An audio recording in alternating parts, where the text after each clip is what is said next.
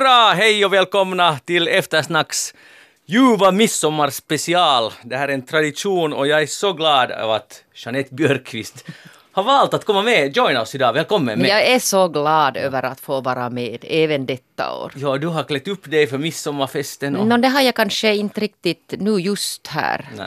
Men kanske sen. Men din närvaro Ja, den, en- ja det sprudlar midsommar här nu. Sen har vi faktiskt kallat in skådespelaren Rico Eklund, en riktig midsommarprins. Välkommen med! Oj, prins, tack. Ja. Tack så mycket. Hur är det? Det är bra, det är bra. Eh, ja, sinnet är stämt till sommar. Oj, fint. Och Pia-Maria Lehtola naturligtvis, vad, vad, vad ska vi kalla det? Journalist, men har du någon annan titel? Programledare också egentligen, talkshow-värld. Midsommardrottning. Mm. Midsommardrottning Aj, du menar något så här lyriskt. Okej, okej. Vad skulle du själv vilja bli kallad? Mm, kanske Vita damen. Vita damen, det var inte så långsökt. Ja. Vår egen vita dam har vi Och hon här. är klädd i vitt. Hon är klädd naturligtvis. Helvitt. Det är alltid till mycket, midsommar. Mycket stiligt. Tack, ja. tack. Och det är faktiskt vårens modefärg. Vitt, vita klänningar. Så otroligt opraktiskt. Men Det är det, men stiligt. skulle man kunna klä sig i något annat än vitt på, till midsommar, tycker du? Ehm, jag har ju alltid talat om linneskjortan. Ja, Den transparenta linneskjortan som är skrynklig. Det finns ju inte något mer attraktivt än det. Alltså på män. Och Rico har faktiskt Nej, här en, den det är är vit vit. bomull. Den är men vit det, bomull. och, och det är så fint med nonchalant uppknäppt här, två, två knappar. Det, det är riktigt snyggt. Och det var så nära att jag skulle satt på en linneskjorta, men jag gjorde inte det. Men inte är den här programledaren så dålig heller. No, du, är, du, är, du är riktigt hörd. Jag kommer att tänka på Armi Ratia, Marimekkos skapare, för du har ju en randig, randig skjorta och du skulle passa bra på bökars. Ja, Armi alltid- berömda fester på Bökas Ja. i, i Borgå landskommun som det då ännu hette. Det var ju Birger Kaipiainen och, och, Ja, och det var alla de här ja, kända. Ke- Kekkonen tror jag besökte Kekkonen var och, där och och- Fred Negendank som var med åtminstone ett par gånger tror jag. Så där skulle jag ha platser då. Där skulle du Bara på grund av den här skjortan. Bara på grund av skjortan. Och sen en liten sån blomkrans på huvudet ännu, så där är det. Där har vi det. Jag heter alltså Magnus Lundén. Eh, vi är med i Eftersnack och inte på fest i Borgå landskommun.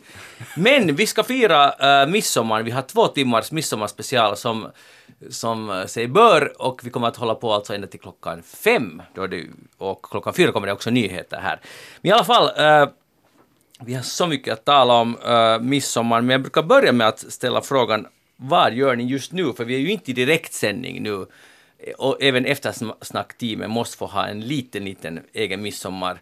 Så fast ni är härliga människor så kommer vi antagligen inte vi fyra att fira midsommar tillsammans sen på riktigt. Men nu firar vi midsommar tillsammans. Jeanette, var är du nu? Det är fredag, klockan är, uh, vad är den, fem över tre? Jag är förhoppningsvis på en klippa i Pargas skärgård, på Knivskär heter holmen, tillsammans med min kära vän Anna-Lena och hennes dotter. Och där är vi och hela familjen. Det där är ju copy-paste, ditt svar från i fjol. Ja, men det är en tradition kallas det, Magnus Lundén.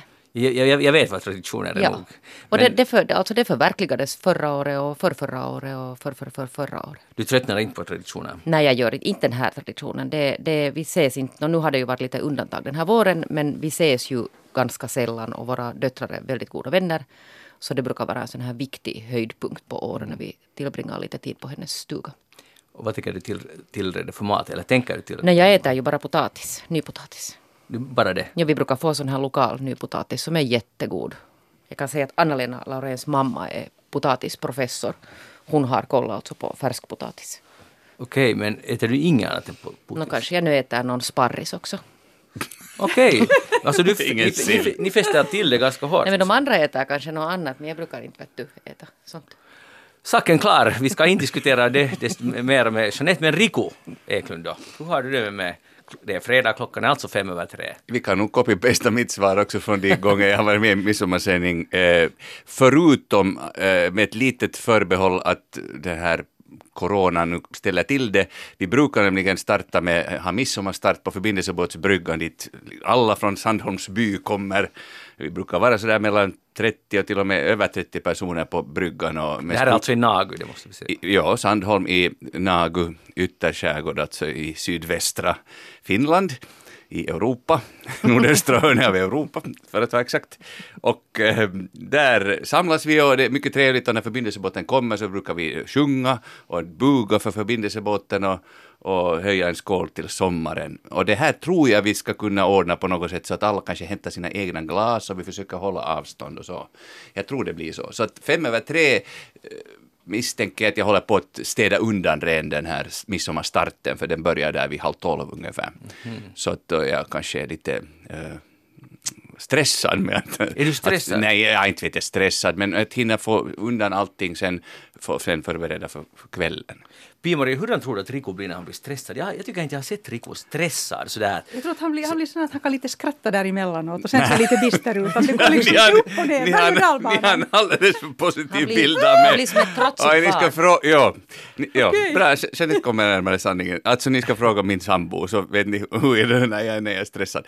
Framförallt mot min sambo är jag inte så trevlig då. Alltså fräser du? Jag fräser och, och, jag, jag, jag tjatar och, och sådär. Ja, Men har du alltså någonsin sån här det där som man kallar myckokoulu? Att först och sen... Mm, blir man tyst. Det kan också uppstå, det, men inte så länge. Det är nog mera han kanske då som är tyst och, jag pratar och, och, och gnäller ibland. Men det var trevligt att ni har en finare bild av den här sanningen. Men Jo. du är så här pedagogisk, skulle vi lära honom? Är det det? Jo, men man, man sitt kan, eget sätt. Jo, Ja. man ska ju inte försöka lära vuxna människor kanske så mycket. Det sysslar jag nämligen med, så därför kände jag Jo, jo, jag- jag vill gör det. Jag- jag gör det också. Jag uppfostrar Jag en försöker- 50-åring.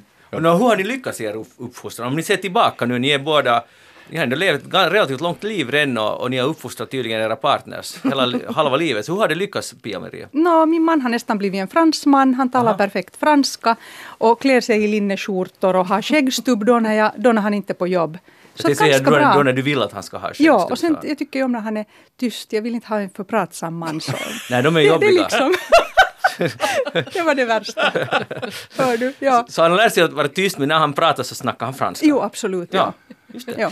Men, men då måste jag bara ställa mot, eller så han, från en annan sida, har, har han uppfostrat dig? Eller är du färdigt bildad alla han, han har faktiskt insett nu att han har varit för snäll hela livet mot mig. Aha. Och nu har han börjat kritisera eh, att jag har för mycket porslin och för Ah. mycket antika möbler. Så nu har han faktiskt blivit ganska jobbig. Va? Ja, och det är för att han, han har aldrig liksom frigjort sig från sin mamma. Nu Nej. tror han att han gör det, men han gör det mot, Mot fel dig. person. Jag är ju hans fru. Lever men- hans mamma ännu alltså, Jo, jo. Ja. Mm. Men Pia-Maria, det är faktiskt du som har porslin och inte hans mor. Nå, det är sant, ja. Ja. Mm. Så på det sättet så... Jag kanske har bara försökt lite förmildra den här Ja. hans kritik. Men det här, jag är ju jätteintresserad, för hur kommer det att gå? Alltså, för jag tror inte du kommer att ge avkall på ditt porslin. Nå, Det kommer inte i alla fall mera nytt nu. Det är helt sant, jag köper inte mera. Så det blir en liten Ja. brom, han har liksom bromsat det här. Jo, jag har nog blivit lite nu Mm. rädd för honom och jag har respekt nu. Oho! Det här... Det är en sån här kompromiss att, Jag- att jag- mötas ja, någonstans. Jag känner lite igen mig i det här, Ja. för att det där, jag har nog också försökt, kanske, och inte försökt, utan jag har också ja, berättat och lite uppfostra min sambo och också vad gäller språket, tyvärr eh, så har nu hans svenska inte blivit så hemskt mycket bättre.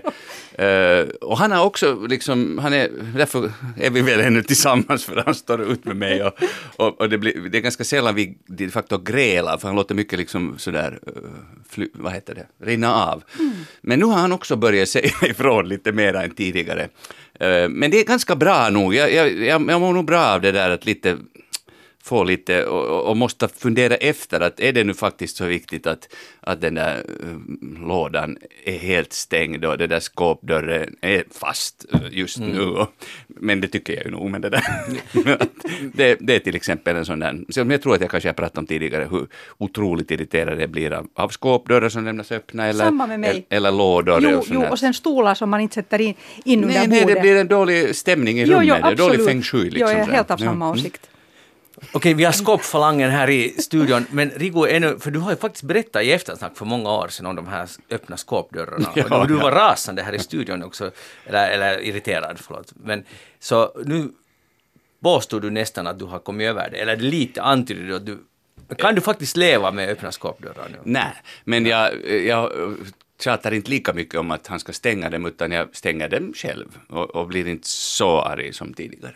Du går så här, ah, tänk att ingen kan stänga dörrar, så stänger Ja, du ja, så stänger jag istället för att liksom att låta det nu helt gå ut över honom. Så. Jag har också försökt tolka alltid att vad betyder det när min man inte till exempel skruvar, vet ni, ni vet eh, saftburkar och mjölkburkar som har den där lilla plastskruven. Slut, ja. Ja, Jo. och sen ibland om det är någon blåbärssaft eller någonting och så ska jag vet du, lite vispa där och känna att nu, nu, nu ska jag lite skaka om den där flaskan så har han inte satt fast den där vita korken och då har jag försökt fundera att vad är det liksom är han så avslappnad som människa att han inte klarar av att skruva fast någonting? Jo, jag tror att det är det, för jag känner helt igen det här.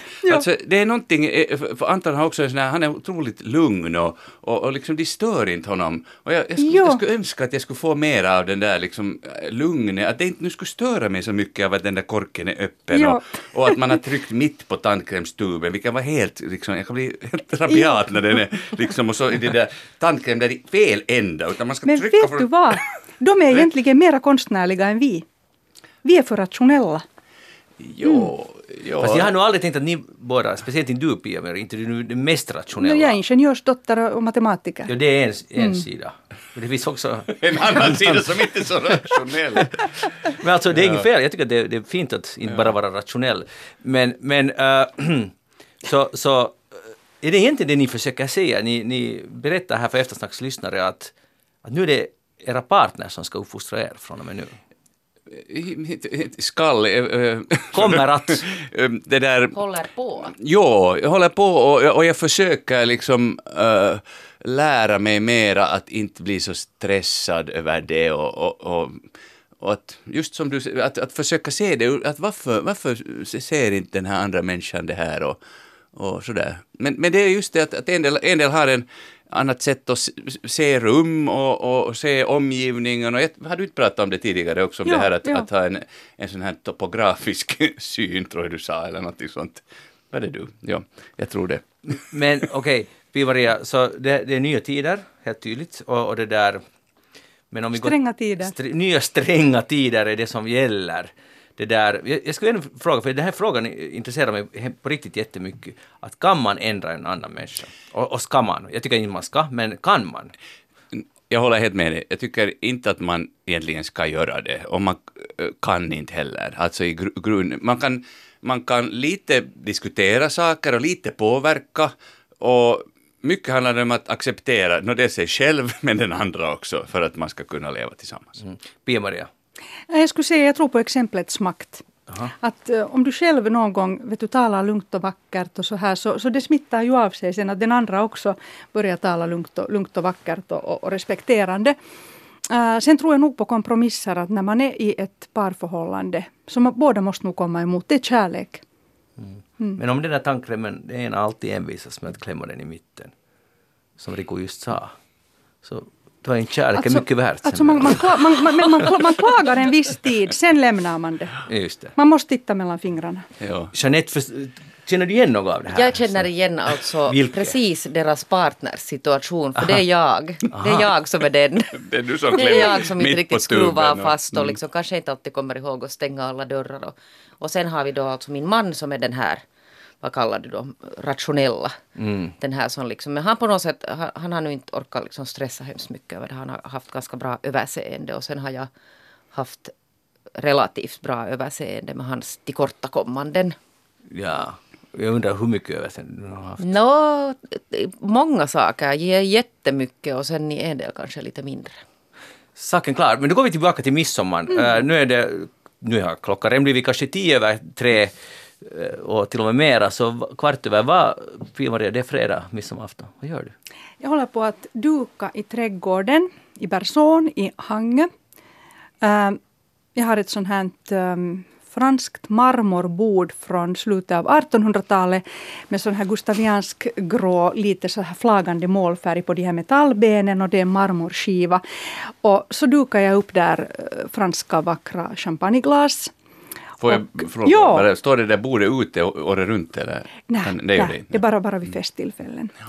Och, och vad heter det? Sen, sen håller jag på och dukar och har borddukar där, väljer porslin. Sen tror jag att min dotter är i köket för hon är väldigt huslig och praktisk, mer, mer praktisk än jag. Och hon kokar nypotatis tillsammans med sin eh, nya pojkvän. Och han är första gången då hos oss på midsommaren. Och min man har tagit riktigt stress redan av det här och frågat hur är det när vi alla äter vegetariskt. Att, att måste han nu köpa korv så att den här pojken får korv så att vi kan grilla korv där på, på gården. Men jag vet inte ännu om vi ska grilla. Jag har själv tänkt på, på lax i ugnen med örter, med färska örter. Okej. Ja, så det, det, det, det tror jag händer då. Alltså vi brukar ju faktiskt, vi har ju firat midsommaren de senaste fem, sex åren i södra Frankrike. Förra sommaren var vi faktiskt i Lyon. Och det var ganska fascinerande för då såg jag en, en, en konstnär, en ung man som gick med en boaorm runt runt halsen i en, i en park. Så det var ett sånt midsommarminne som jag kommer ihåg. Jag var jätterädd för det. Men, men Ja. annars är det ju midsommar, det, det firas ju inte. i- Nej, alltså, nej. Det, det är ju också egentligen bara i Sverige och Finland, inte ens i övriga Nor, Norden. Baltikum firas det nog. Jo, men jag, jag talar om Norden, alltså, Ja. så är det Sverige och Finland som där det är lite en större, eh, framförallt i Sverige, men för, i Finland förstås också. Men går man ner i Sydeuropa eller, jag minns jag var en midsommar i England för väldigt länge sedan och då, det var, det var ingenting, ingenting hände och, och det, jag bara liksom väntade att när börjar festen, men det var, det var ingen fest. Men det är nog en viktig, viktig högtid och vi har alltid firat den faktiskt förut hos, hos mina gudmödrar i Hangö i centrum i vårt släkthus. Men nu på grund av coronan så, så är vi då på egen gård tillsammans med, med vår egen familj. Vi ska tala just om det där hur man kommer att fira midsommar eller, eller om man ens gör det. Men var är du då? Ja, förlåt, just det, var är jag? Jag är uh, i Savolax med min familj och eh, eventuellt har vi bjudit någon dit, kanske mina föräldrar är där, men det är på en holme i en insjö, i en stor insjö. Så där är jag och jag vet faktiskt inte riktigt vad jag gör, men kanske mm, tillreder just den här potatisen som ni nämnde här. Jo, är den, har jag, den är viktig. Den, Den- är alltså helt Väldigt viktig. central. den är väldigt viktig. Kanske du skulle kunna skicka av den där laurenska potatisen Nej, till, det går till inte för att de hinner, när de hinner vet du, torka och bli dåliga. där på tycker du ska de ha ska loka- vara lokala nyupptagna alltså. Ja, naturligtvis ska jag ha Ja, lokala. Det- lokal, lokal odling. Ja. Jag brukar också faktiskt ha lokala potatisar i Hangö. Väldigt viktigt. Mycket viktigt. Men eh, för att det, eftersom det är midsommar och vi- det är eftersnack så har vi ju en tradition. Och. Jeanette, jag tittar genast på dig i första taget. Och det är ett ögonblick. Alltså det är den här som vi alla ser fram emot och det här var alltså inte nu Jag kan ju säga ärligt, det var ett, som ett tillägg till den här eh, traditionen så har vi också en Finlands flagga eh, som hör till midsommaren i Finland. Den står här på bordet här i studion också. Och en liten burk med inhemska jordgubbar som Absolut. vem annan än Rico Eklund Ingen. har hämtat. Men Magnus Lundén har hämtat Retsina. Och den Och där korkades den. Alltså vad är det någon sån Oj, sån här är här sån kork? Det är inte sån här Kapsyl. skruvkork. Det är halvlitersflaska. nej, inte, inte skruv utan kapsyl. Kapsyl, ja. Det har du aldrig haft förut. Jo, jag hade den i fjol. Jag tror att i fjol. För att faktum är att jag, det blev över en flaska från i fjol och jag har sparat den. Och, och, Till vår allas glädje. Ja, men, men sen glömde jag just den flaskan på landet. Så nu måste jag gå till Alko och köpa en ny. Ja, tur. Men där sa de, jag frågade har ni någon Retsina, det här var den, jo bara den där halvlitersflaskan. Så frågade jag har ni någon annan, nej vi har inte den. Men hon, hon tröstade mig och sa det är bra nog med halvliter just när det gäller Retsina. För att om man låter den stå, för det första så tar den snabbare slut, sa hon. Och, då är det Det, det är någonting positivt. Ja. och för det andra att om det skulle bli över så det är inte så mycket som går till spillo för Retsina, att det börjar smaka väldigt bittert efter dag i kylskåpet påstod hon. Sen frågade jag ännu för att få lite stöd, att, men är inte den här ganska god ändå? sa hon. Jo, det är den bästa som finns. Så tolka det som ni vill. Här, uh, Jeanette, får det vara ett Det var grekisk ditt Retsina. glas det där. Aha, just Men det. varsågod bara. Ja. Varsågod. Tack, stopp, stopp, stopp, Oj. Och lite här. Är det här liksom lite grekisk björksav? Är det här liksom Tack, tack, lite, tack. Det är lite, lite- vitamindryck egentligen? Det var nog att vara jättepositiv.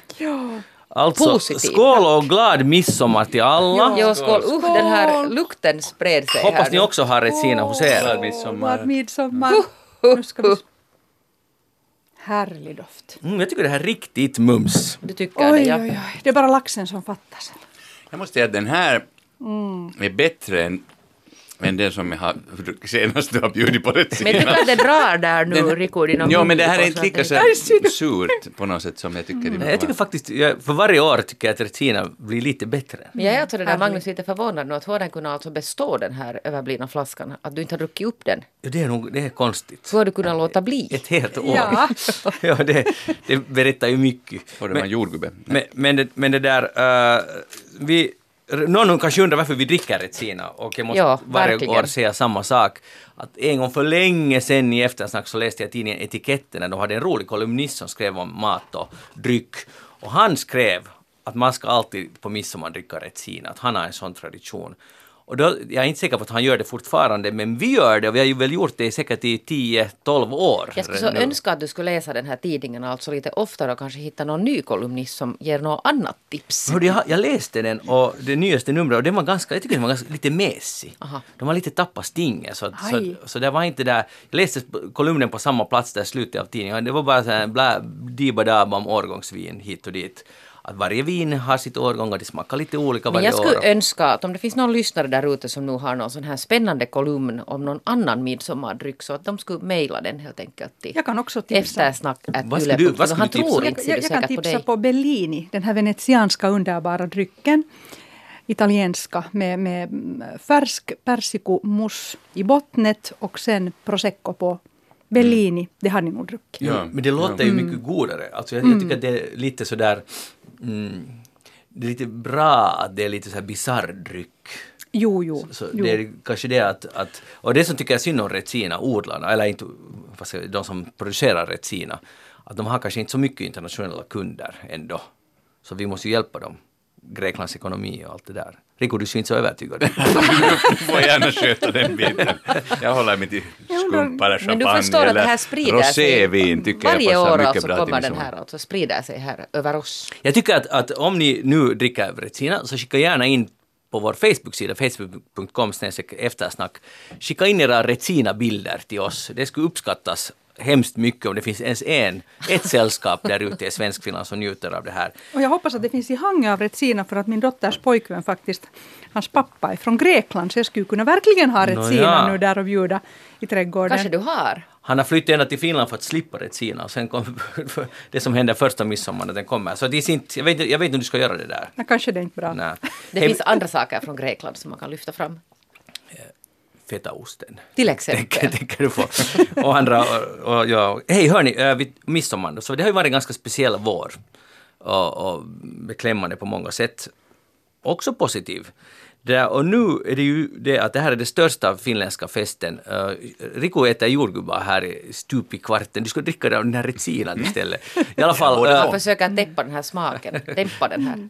och, och eh, eh, det här är i princip den viktigaste festen i, i Finland i alla fall på hela året. Det, kan man inte säga nästan så, där flest människor är ute och firar på ett eller annat sätt. Jo, det är en mytisk fest Ja. också. Den är väldigt... ehm, den har nu inte Kalevala-drag, men den har i alla fall den här mystiken med de här blommorna och sen med de här liksom, med kärleken. Och det ska vara väldigt positivt och ljust och glatt. Och Mm. Egentligen en kontrast till, till det finska tungsinnet.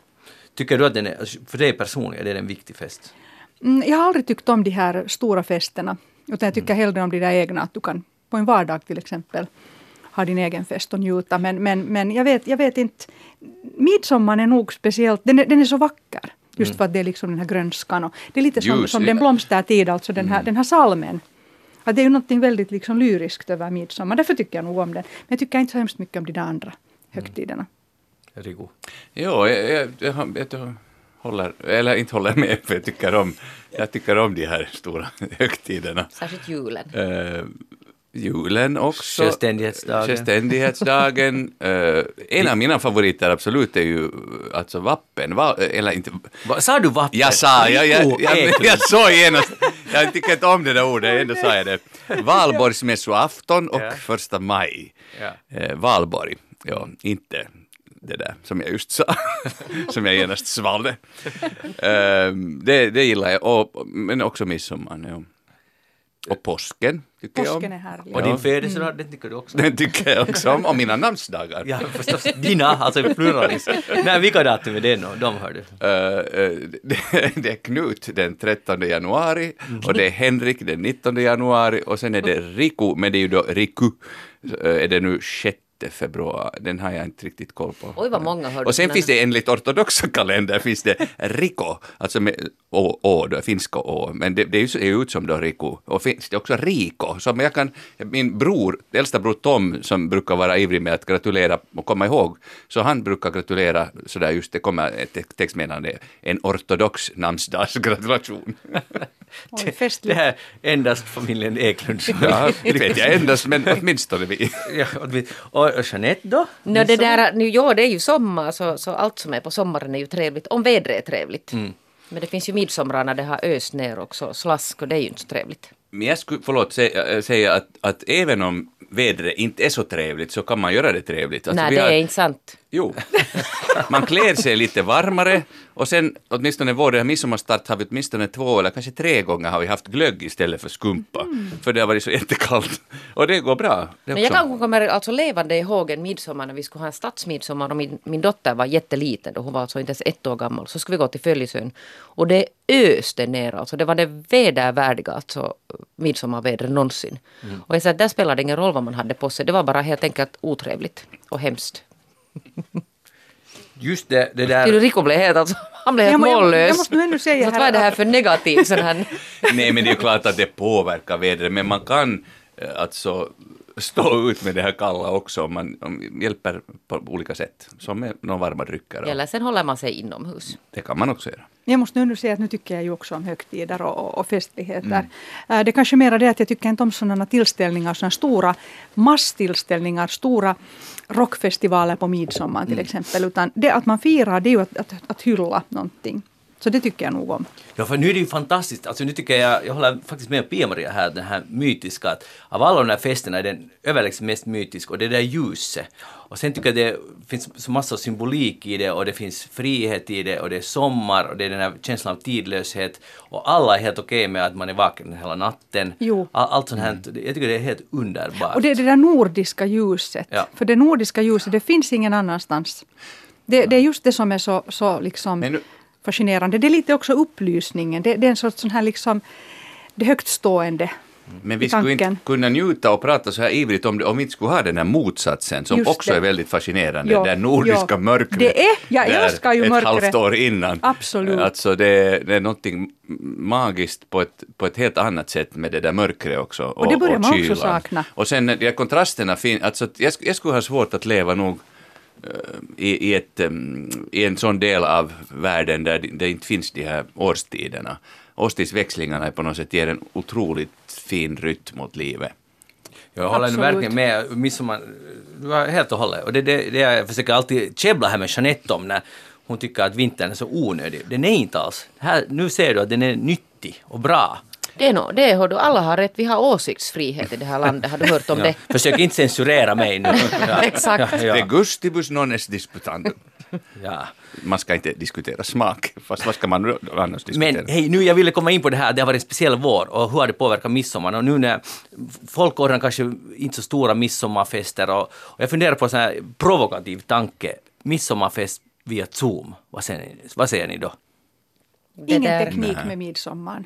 Det är otek- ingen teknik, nej. Förbjudet? Jo, det passar inte. Okej. Jag skulle inte förbjuda det, men, men man kan ju ha en liten sån här halvtimmes då, någonstans där under dagen om man vill hålla ett Alltså morgens och sådär. Morgens och, och så skålar man lite virtuellt, men, men inte, inte det är något egentligt alternativ. Nej.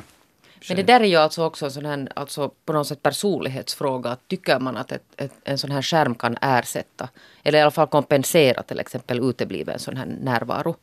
Och för en del fungerar det och för mig fungerar det inte alls. Mm. Jag läste en kolumn för, i, inför sommarens fester, hur man nu ska tackla det här med man får inte vara så jättemånga på festen och så vidare, på fester och, och, och, och om någon föreslår, att, vad ska man svara om någon föreslår Zoom och om man själv inte har något att säga och hatar Zoom. Och då rekommenderar kolumnisten att man ska svara att jag har ingenting att säga, jag hatar Zoom.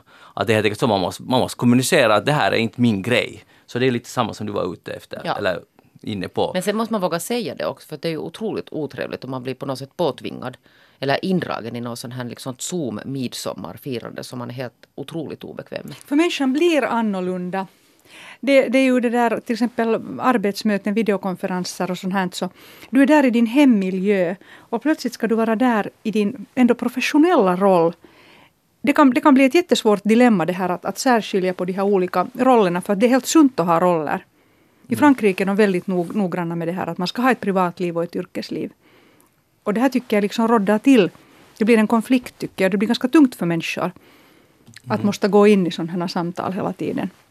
I, I ens privata sfär liksom. Menar Ja. jag. Men hur tycker ni... Det är annat äh, om man gör som du, de där underbara antikrundorna, Riku.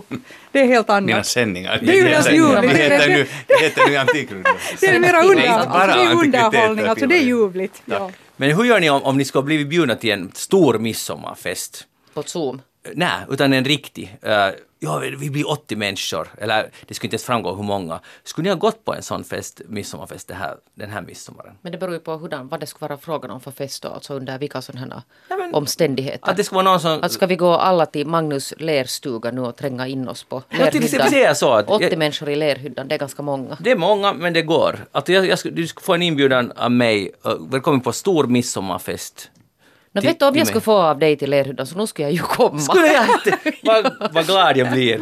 Jeanette skulle komma. Och skulle du inte... För i den här kolumnen rekommenderar man att om man har lite så här coronaångest och inte vill liksom ta några risker så ska man försiktigt fråga att kan jag ta med någonting och så svarar jag till exempel jo ta gärna en, äh, ta gärna putis. Och så frågar du, ja men för hur många ska jag ta med? Och då får du veta sådär via omvägar hur många människor som kommer att komma. Då kan du själv avgöra Kan man din nu inte bara fråga? Nej, man kan inte tydligen. komma då och säga att jag är lite ängslig för det här. Ja, nej men så tydligen ska man inte göra så. Utan vad, har, är det här för en kolumn? Det var en kolumn i, av Zoe, Zoe Williams i Guardian. Men Zoe Williams, alltså det här Guardian, aha, men de här britterna har lite svårt att vara så här rakt på sak alltså. Det är Ja. säkert det det är frågan om. Jag Det- tror till Finland ska man nog kunna fråga helt rakt. Ja. Nå, Rico, skulle du komma om jag skulle bjuda dig på stor fest? Ja, åtminstone en, en del av kvällen Du skulle skulle jag vara inte ha med. coronaskräck? Ja, ja, jag skulle komma konkret till din... för, I lerhyddan. Det är det här året. Alltså det är det här jag försöker komma att hur mycket har det påverkat oss nu det här? Att det ska vara över 50 människor och så här. nej, jag skulle nog inte komma. Nej. Skulle du säga att Magnus, det är inte lämpligt nu att fira midsommar Ja, jag skulle säga att, att det, det är nog lite för mycket folk att det där. Ja. Det är nog, att, om, du, om du skulle kunna ordna det ute Ja. så vi kan hålla mm, avstånd, så ja, då. Ja. Men om det är inne i, lerhyddan så f- 50 personer, nej. Nej tack. Över 50 dessutom. Ja, nej. Ja.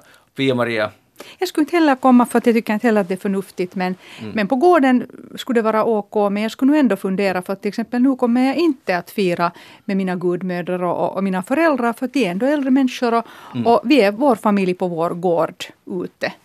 Så Men- jag tycker nog att man ska, man ska vara försiktig. Men skulle Magnus ordna en sån fest? Äh, nej, jag skulle inte just för att jag vet att det skulle bara vara du och jag där på festen. Så, för att det skulle också vara helt okej i och för sig att då har man ju, uppfyller man ju alla kriterier. Om, Men så jag läste det där inför påsk när jag höll på och försökte argumentera för att mina vänner nu ändå skulle ha kommit dit till ett stort hus och det var under tio människor och det var enligt rekommendationen skulle man nu kunna liksom hemma ordna sådana då, ännu den tiden.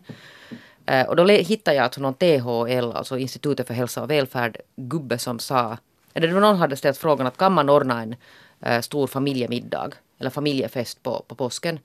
Och så sa han i princip sa han inte nej, men han sa att, att han rekommenderar att man inte gör det eftersom där kommer att komma, om det är en stor alltså, släktfest var det faktiskt och inte familjefest. Eh, sannolikt kommer alltså människor från riskgrupperna dit. Men alltså med det sa han ju att, att sådana som inte är i riskgruppen, det vill säga om man exkluderar sådana eller sådana som liksom känner att de på något sätt är, är jättenära kontakt alltså med någon från riskgruppen. Så då, då ska man ju förstås iaktta säkerhet. Jag får ju inte träffa min mamma. Jag har inte träffat min mamma sedan mars. Det är helt Så, så vi träffar, jag träffar ju ingen i riskgruppen på det sättet i min närmiljö. Men det har blivit så, alltså det som jag tycker är det mest ledsamma, inte mest, näst mest ledsamma alltså efter att folk har varit sjuka, är det de här konsekvenserna. Vi har talat om dem redan i eftersnack, men till exempel på sådana här fester nu, när, får man, när kan vi igen börja skaka hand med varandra? Eller, Kramas eller, och- eller kramas och allt det där. För att i den här kolumnen å- å- också att uh, man ska nog absolut inte göra det och vara vara jätteförsiktig med det. Och, och, och sen, det enda hon uppmanar att, att kom ihåg att börja inte att skvallra på andra. Att till exempel att inte nu Pia-Maria och Rico skulle berätta att han har ni hört att Magnus har den här fest på Lera, nu är lite ansvarslöst. Och Jeanette på Jo, väg. Jo, Jeanette, att de tycks inte ha något. Man ska inte heller gå in i det racet. Och det har utan- hänt ganska mycket sånt faktiskt. Ja, det har- I sociala medierna. Ja. Att folk vaktar. Och det var liksom en här negativ sida, och man får inte gå in i det och det håller jag verkligen med. Men, men det här med, Rick om jag nu skulle sträcka ut min hand till dig, jag gör inte men om jag skulle göra det och jag vill nu skaka hand med dig, skulle du ta min hand och skulle säga nej, det är inte nu lämpligt läge för det där. Vet du, jag- ärligt sagt så är jag inte, vet jag inte riktigt hur jag skulle...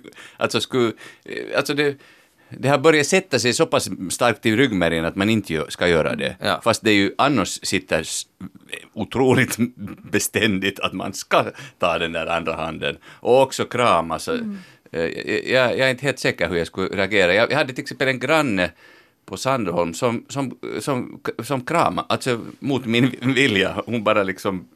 Och, så, och jag sa nej, nej, nej och sen var hon redan där fast i mig.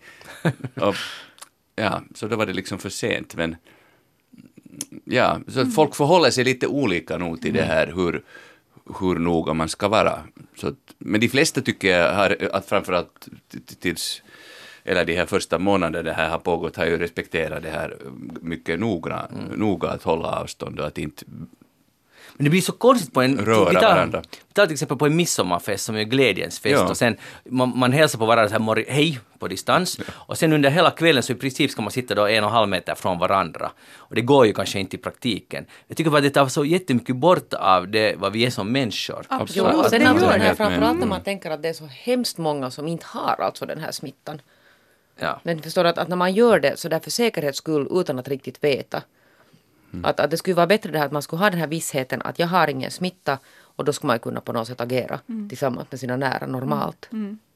Men det är också spännande sen när man träffar folk som har suttit inne ganska länge på tu man hand. Och, och sen ser man dem till exempel i trädgården eller, eller någonstans så här, så här ute på kaffe. Så. Sen när de får en publik, de här människorna, som har bara varit på tu man hand hela tiden. Så det kan bli enorma sådana gräl. Det här paret kan plötsligt börja använda liksom omgivningen som sin publik. Eftersom de har bara varit på tu hand hela tiden. Att vi behöver ju också publik. Och vi behöver ju mm, i våra liv, eh, ska vi säga, referenser och andra som på något sätt eh, ger åt oss perspektiv på oss själva. Och det, det, det missar vi ju nu. Nu förstår jag inte riktigt hur du menar alltså med det här med publiken, alltså, så att den här, de som är med liksom triggar det där grälet eller, eller att de vill visa upp, hur, hur menar du? det? Nå, till exempel, jag har märkt det här i, i familjer. Jag kom, äh, tänker tillbaka på, på, på vad heter det, två släktingar, alltså ett par. Och de, de förklarar alltid att när barnen kommer på besök så blir parrelationen totalt annorlunda. För att de får en publik. De, de liksom börjar söka kontakt med, med, med de här barnen för, så att de får stärkt sina egna åsikter. Och då blir det en kamp. Och det här fattas ju nu när folk, till exempel par, är ensamma tillsammans, äldre människor. Så de har inte den här publiken. Så att det blir ganska ensidigt. Mm. Förstår du Riku? Mm, Jag, ungefär. jag förstår, jag undrar, det- det skulle vara intressant analys av vilka roller man nu sen spelar. Hmm. Men det som jag, sen jag ty- tycker att har varit värsta med våren, för att sen när jag har varit på några fester så det har varit så otroligt skönt att träffa folk. Att, att gå på en vanlig fest fast det har varit bara några människor. Så det, har blivit nästan så här urladdning. Att, liksom, att, jag, har, jag har inte tänkt på hur viktigt det är. Alltså man tycker ju att det är roligt att vara lite social och, och umgås och så här. Men man förstår först hur viktigt det är när man, det tas bort från en. Förstår du? Att jag, jag bara varit så här, jag, jag går nu gärna på den här festen eller så går jag inte men, jag har aldrig fattat hur livsviktigt det på något sätt är.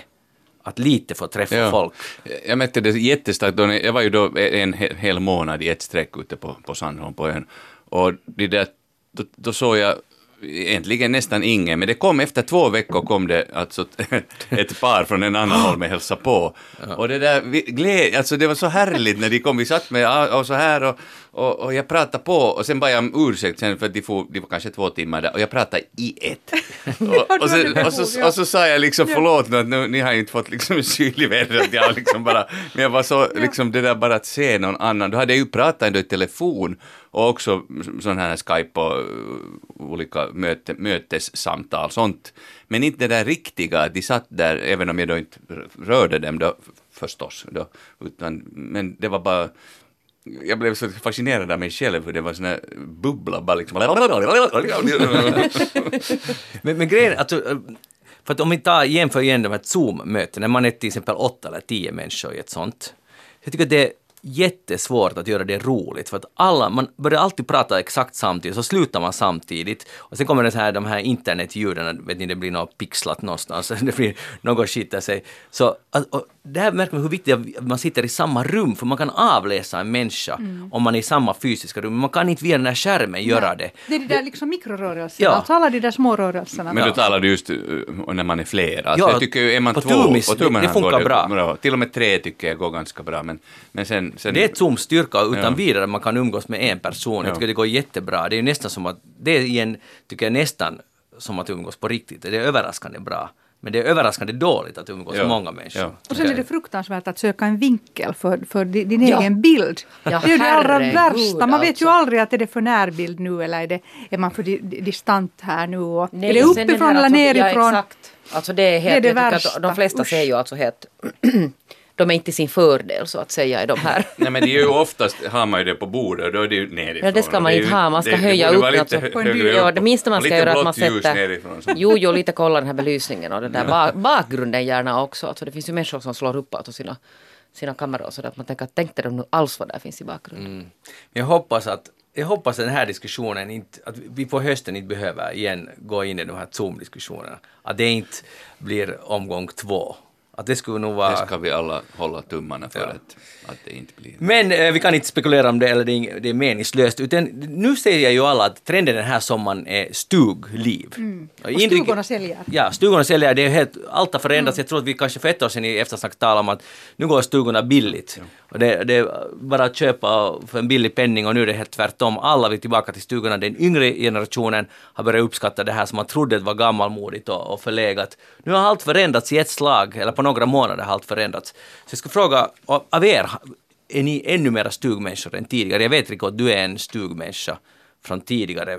Pia-Maria, Mm, Jo, min stuga är ju inte faktiskt en stuga utan det är ju en gammal villa i Ja, en stad. Ja. Men det är ju ändå liksom en fritids på det sättet att man, man åker dit i julen och nu hela sommaren fem veckor i rad kommer vi att tillbringa där. Och jag känner nog alltså det är underbart att komma från centrala Helsingfors dit och andas i det här stockhuset, gå ut på gården. Alltså det är ju helt ljuvligt. Jag, jag har verkligen uppskattat det nu under den här tiden och vi har varit varje helg där och vi håller på att renovera där. Och det skulle vi ju inte ha kunnat ju, göra om vi skulle ha åkt till Frankrike. Så jag är jättenöjd och glad. Jag njuter. Tänk, du är nöjd Ja. och du- ändå får du inte åka till Frankrike. Jo, vet du, jag, le, jag leker Frankrike där nu. Jag ska inreda det där nya rummet till ett franskt art nouveau-rum. Frankrike flyttar till Hangö. Ja, så är det. Art Nouveau, vad innebär det? Förklara för mig. No, det är liksom den där sekelskiftet där vid jugendtiden, en sån här fransk stilriktning med, med organiska former. Alphonse Mucha, de här underbara Alltså det, det är ju jugend men i fransk Ja, tappning. i fransk men tappning, jo, jo, ja. men- Den är lite mer stiligare. Ja. Förlåt, men det är bra. Men, men vad sätter, vad sätter Hör du, hör du, du blev du allvarlig. Jag vill veta vad du sätter på väggen. På väggen dit kommer säkert att komma en Alphonse Mucha kvinna, en gobeläng kanske. I alla fall en liten stund. Jag, jag är inte hemskt mycket för textiler, men, men vid festtillfällen så kan jag hänga upp. Annars blir det helvitt, vitt trägolv. Där finns redan en art nouveau-lampa som har funnits och hängt i taket alltid i det där huset. Och det var därför jag också Har den färg den... den där lampan. Den har sådana tunna mjölkglas, labora, laboratorieglas som, här, som hänger ner från en, en sån här stäng- hamrad. stänger. Jo, stänger. det, ja. Som, som vad heter det, hänger ner från en sån här hamrad eh, bronsfärgad lampskärm. Låter vackert.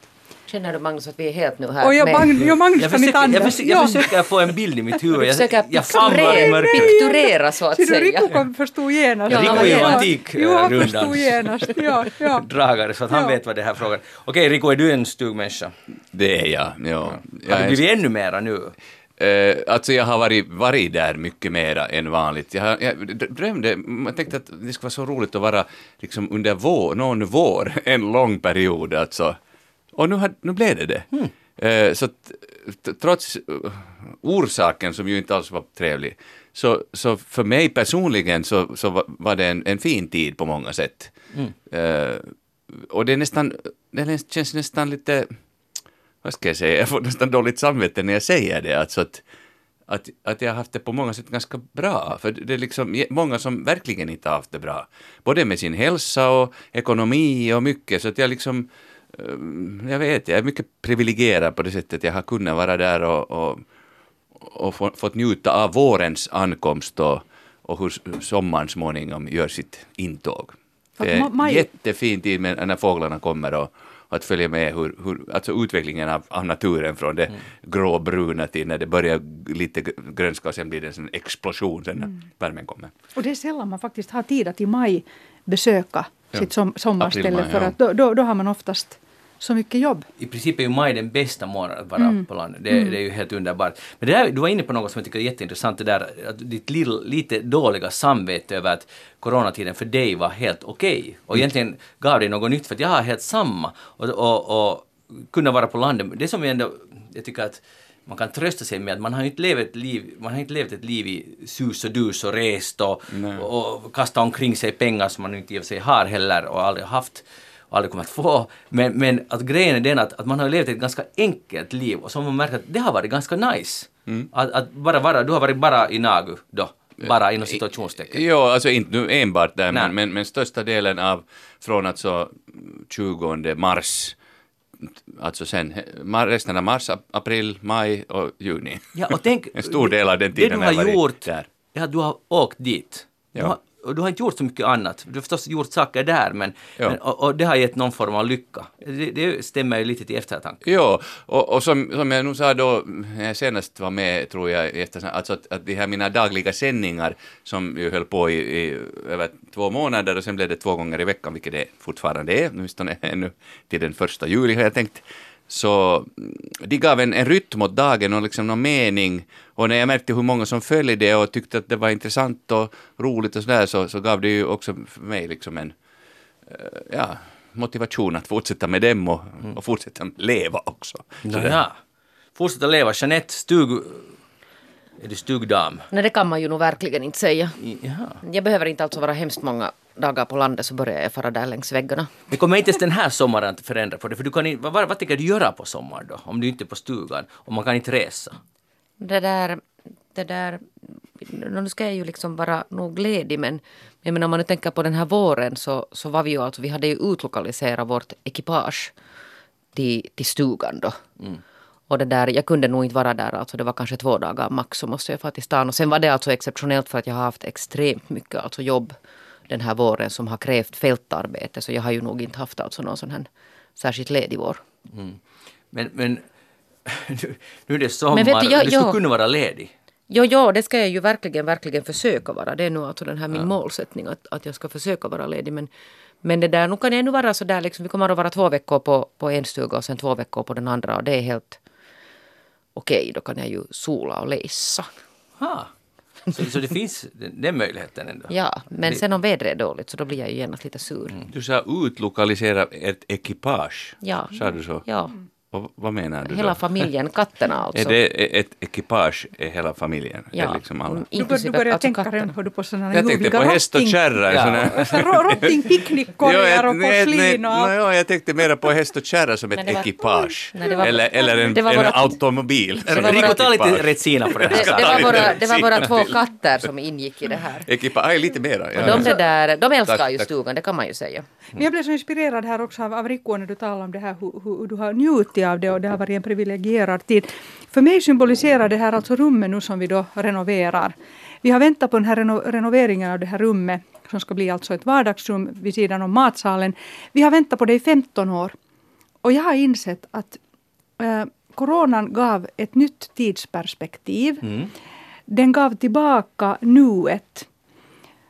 För att eh, jag började fundera att man har ju hela tiden levt i 15 års tid i en sån här karusell. Man har liksom, det har hela tiden hänt någonting och man har varit aktiv och barnen har vuxit upp och, och det ena och det andra. Men, men nu är det på något sätt som den där liksom eftertanken och nuet har kommit tillbaka. Det är fantastiskt alltså. Det, jag tackar det. För att nu, nu inser jag att, att för oss blir det här rummet också en symbol för det man önskar, det man ville, men man, man hade inte tid att förverkliga det. Men tror du inte att nu sen när den här tiden då är över, Mm. Hoppeligen snart, så, så tror du inte att vi kommer att återgå ganska långt Det tror jag, tyvärr. till, till samma Jag tror det. trall som det var innan? Ja, det tror jag. Eh, vi kommer ändå nog lite att komma ihåg det. Det blir en sån nostalgisk, kanske också emotionell påminnelse om den tiden. Men det att folk talar om internationellt också i sociala medier om det här att världen kommer aldrig att återgå till det normala. Nej, det, det tror Alltså det, det, det kan vara också ett önsketänkande hos, hos flera. Men jag tror inte heller att, att, att det kommer att, att vara så. Nej, jag tror Människan inte, är sån att den glömmer väldigt snabbt, så, tyvärr. så är det, ja. Mm. det Men, men kommer inte människan också ihåg sånt som är bra? Alltså, det det som, för nu har, vi, nu har ni, ni två och också jag, inte så mycket Jeanette, men talar nästan lyriskt om den här våren. Och den här nostalgin har redan börjat. fast Men jag inte är så också lyrisk för jag Ja. har haft jättemycket jobb och intressant jobb i Ja, konstiga, okej. på konstiga ställen. Ja men det har, har det direkt med, okej delvis med corona Nej, det göra. har ingenting med corona Nej. att göra, det bara råkar sig nu så. Ja. Okej, så du är nostalgisk av, av, av... Det var den tiden då när jag hade slet som ett djur. Ja, just så. ja, jag skulle tillägga alltså, till, alltså det, det är ju en, det är liksom eh, en mixed feeling, alltså det, finns liksom, det är en blandning av, av saker för att det är samtidigt blev, jag- gick jag miste om alltså en massa, eller en massa, men en del jobb, kejkor och sånt här. Eh, däremot eh, hade vi nu den lyckan att vi inte än åtminstone har blivit permitterade från teatern utan de semestrar och sånt här flyttades på och så och ordnades så att jag har ännu liksom fått lön. Men, men det att, att jag inte får jobba så känns inte heller, alltså vi hade just haft en premiär och hade spelat några föreställningar av Vi är bara människor och så plötsligt försvann det och, och andra föreställningar som skulle komma senare på våren som inte heller, och andra möten med, alltså vi talar just om det här möten med, med varandra som är så viktigt, men, men för en skådis är ju det mötet med publiken eh, jätteviktigt. Alltså det är ju en, en stark motivation åtminstone för mig att jobba som skådis, att, att träffa, därför tycker jag också mera om teater än, än tv och film. Alltså, jag har också gjort mycket mera teater.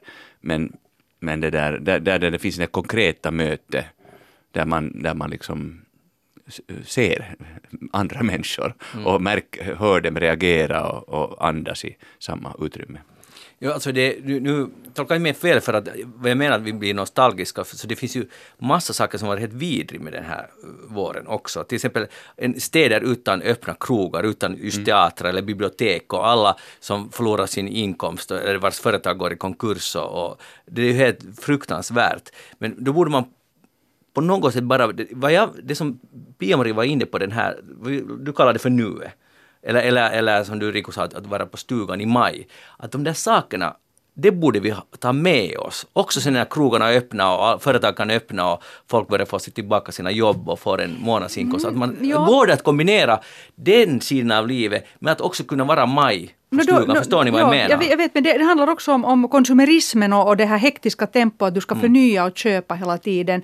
Det handlar ju också om det att ehm, det här att vara i nuet, det är ju egentligen emot marknadskrafterna. För att du ska ju hela tiden känna att, att, att du måste konsumera. Det är ju konsumerismen egentligen som vi måste sluta med. Annars också. Jo, Fast att, jag tycker att, att gå med vänner på krog är inte att så att säga konsumera på ett negativt sätt, det är att umgås. Och att den här Äta. krögaren har ett jo, Jo, men, får men, en sen, men sen samtidigt har du också den där stressen hela tiden.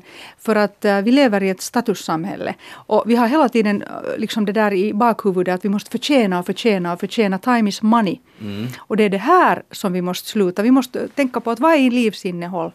Det att du är tillsammans med människor, byter tankar, du är Men du närvarande. måste ju förtjäna, alltså, det är klart Jo, att du måste ju få jo, inkomster för jo, att kunna jo, men göra men, det där som men, du säger. Men vi har alla gått in i ekorrhjulet och vi har gått med på dåliga villkor. Mm. Vi har tappat, tappat vår själ. Det är det som är problemet. Nå, ja, jag håller Mm. nog inte helt med dig. Det låter så drastiskt att vi har tappat vår är du själ. säker för att du jag inte tappar den? Själen? Ja, du. Nej, ja, jo, jag är säker. alltså, nej, jag har inte tappat själen. Men tycker du inte att vi har haft ett jättehögt tempo i vårt samhälle? Jo, och, och, jo, ställvis och tidvis, men jag tycker inte om en sån här generalisering, för det, det är inte, jag tycker inte att det är så. Att, jag, jag, jag tycker det, titta på någon tidning från 1920-talet, så oj, att tiden går bara snabbare och snabbare och det, är- vi är inne i ett ekorrhjul och, och det är bara, och vi, vi kan inte stanna upp i, i stunden och, och så tänker man i, ur vårt perspektiv hundra år tillbaka hur allt var långsamt. Och då diskuterar man då så att jag tror att det är också en del av vår mänsklighet och, och oss att vara människor att vi pratar i de termerna och upplever att saker går snabbare och att vi kanske tappar vår själ och kanske man också gör det. Men men Rico, om du jämför, förlåt, om du jämför när du talar om tidningar 1920-talet, jämför med idag, så det var ju så här man kunde skicka ett vykort, att ska vi träffas imorgon eftermiddag? Och så dallar man två kilometer genom Helsingfors och så går man, så träffas man. Nu var ju, nu var ju tempo långsammare, Jo, men man jo. upplevde det i ett historiskt perspektiv att det höll på att försnabbas då Absolut, också. precis. Ja. Så det finns den men objektivt sett så var det mycket långsammare. Men man kände att nu håller det på att bli snabbare. Precis, Ja. och, så- och gå hundra år bakåt så var det Ja. också, alltså det, det sker en en eskalering, men jag tror inte, den, den har liksom pågått hela tiden. Inte tror jag att vi upplöses som Men människor. men jag tror, men jag, jag, men jag tror att den, den, den har nått nu sin kulmen. Alltså om vi tänker på unga människor som känner sig utbrända och är utbrända. Mm. Och, och så här, så jag tror att vi har Före coronakrisen så tyckte jag det var många som jag träffade i mitt, i, i mitt jobb som journalist som, som sa och klagade på att, att nu har vi nått redan det maximala för hur snabba vi kan vara som människor. Ja, tyvärr tror jag inte. Alltså det skulle vara helt nice om det skulle vara så att nu, nu blir det långsammare. Och, men det, det kommer inte... Alltså, i, jag tror inte vi människor är såna. Alltså det som är otroligt den här våren, till och med Jeanette började odla sallad nu det här. Nej, tydligen inte. Att döma av din min. Va?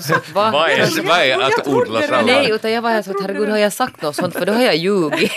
Du såg ut som ett jättefrågetecken som inte har hört att odla sallad. Nej, det alltså jag är ju uppvuxen på landet så vi hade ju ett trädgårdsland men det, det är ingenting som jag sysslar med. Jag Nej, är nej. jättedålig på det här. Okej, vi förstår. Men, men det, det som har hänt att jättemånga människor har börjat syssla med så här saker som inte, tar så, som inte går så snabbt att göra, att odla sitt eget. Det är ju jättepop nu. Det enda businesset som går bra är frön. Eh, jag tycker att det är ganska nice. Inte den enda. Nå, vilken? Säg någon annan. Många Nå, okej. andra. Ansiktsskydd och annat konstruktivt. Ja, okej, det är sant. Men, men det, Och, och mat, alltså att sälja, att sälja, sälja färdiga portioner och, Ja. och konsumtionsvaror äh, gäll- gällande matvaror. och sen råkar jag veta att pingisbord är slutsålda, sådana som man kan ha utomhus. För jag Och spel. sånt. Och vin! Spel Folk går ganska bra. Folk dricker mera vin. Folk dricker med, vilken god nyhet! Ja, ju- Men inte rätt. Nej, ja. Nå, så, så att det där... ehm, jag, jag tror att du har fel, Pia-Maria. Men eh, det kan också vara att Rico jag har fel. Men jag är optimist. Eller Ja. sen blir det någonting mittemellan. Jeanette har svaret, det blir mittemellan. Kan du beskriva den här nya verkligheten? Det blir det att det där man säkert alltså kommer att dra ner på till exempel sådana här resor i arbetssyfte och så här liksom lite lugna för att nu har man ju hittat liksom fungerande lösningar som inte hela tiden kräver så hemskt mycket av människan förflyttande. Så kanske man nu tar med en del av så goda saker. Till exempel storföretag kanske inte kommer att flyga omkring liksom hela världen för att hålla något möten i tre timmar liksom på andra sidan jordklotet. Och sen direkt tillbaka. Och sen direkt tillbaka. Ja. Men jag tror, liksom- på, jag, jag tror på det immateriellas um, återkomst. Och det märker jag redan i 20 plus människorna. Du får fortsätta i nästa timme, för nu måste vi ta en paus för nyheterna. Vi är här i Eftersnacks midsommarspecial med Jeanette Björkqvist, Rico Eklund, Pia-Maria Lehtola och jag heter Magnus Lundén. Vi skulle spela två låtar den här första timmen. Det blev noll, det blev istället snack. Men inte är det någon fara, vi kommer att fortsätta alltså nu efter nyheterna igen. Så uppdatera er vad som händer ute i stora världen och så fortsätter vi sen snacka här med Jeanette, Rico, Pia-Maria och mig, Magnus. Vi hörs just. Hej då.